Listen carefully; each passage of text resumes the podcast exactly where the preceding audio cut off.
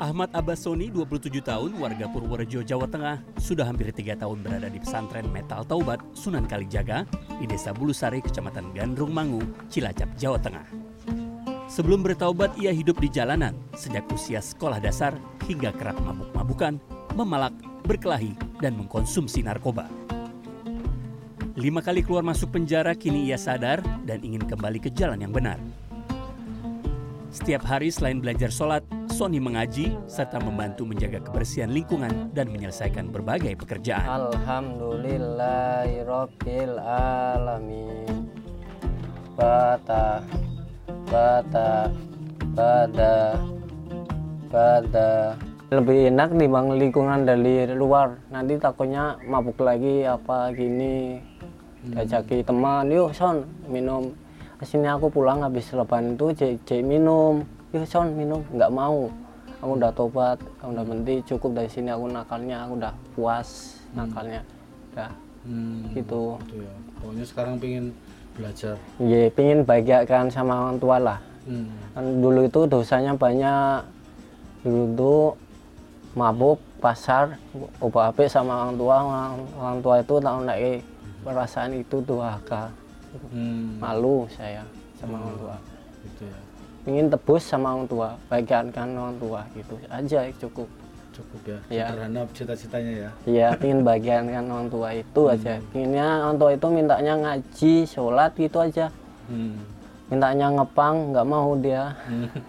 Jalan nggak mau, minuman nggak mau, maunya ngaji. Sementara itu Ahmad Fadul Pamungkas sudah 11 tahun menghuni pondok metal Taubat Sunan Kalijaga. Mantan pecandu dan bandar narkoba yang berasal dari Palembang, Sumatera Selatan ini, setelah enam tahun tinggal di pondok, dipercaya mengelola dan membina asrama rehabilitasi oleh pengasuh pondok. Saat ini Ahmad mengurus dan membimbing 18 pecandu narkoba yang tinggal di asrama. yang tadinya awalnya saya itu rehab, saya akhirnya diberi kepercayaan sama Mbak Soleh untuk mengelola asrama rehab khusus narkoba mas. Kalau dulu santri rehab itu campur sama depan, belum ada asrama ini belum ada asrama khusus untuk eh, rehab narkoba dan kenakalan remaja itu belum ada.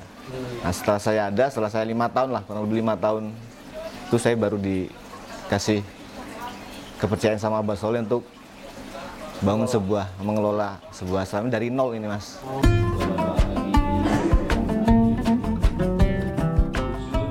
Ali Sahrudin, pengasuh pondok pesantren metal Taubat Sunan Kalijaga mengatakan, pesantren yang berdiri sejak 1999 itu memiliki empat blok yang terdiri atas blok santri laki-laki, blok santri perempuan, blok penghafal Al-Quran, serta blok khusus penanganan pecandu narkoba dan kenakalan remaja. Ya yang paling unik yaitu kita punya satu komplek namanya komplek Jeddah itu.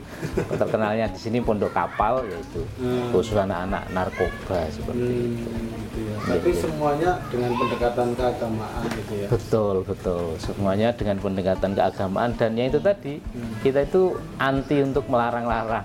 Dan kita apa memberikan kebebasan lah untuk mereka. Monggo sebebas-bebasnya. Yang penting tidak melanggar syariat Selain diajari ilmu agama, santri di pesantren Metal Taubat juga diberi kebebasan mengekspresikan kemampuan di bidang seni. Robi Sofwan Amin, Cilacap, Jawa Tengah.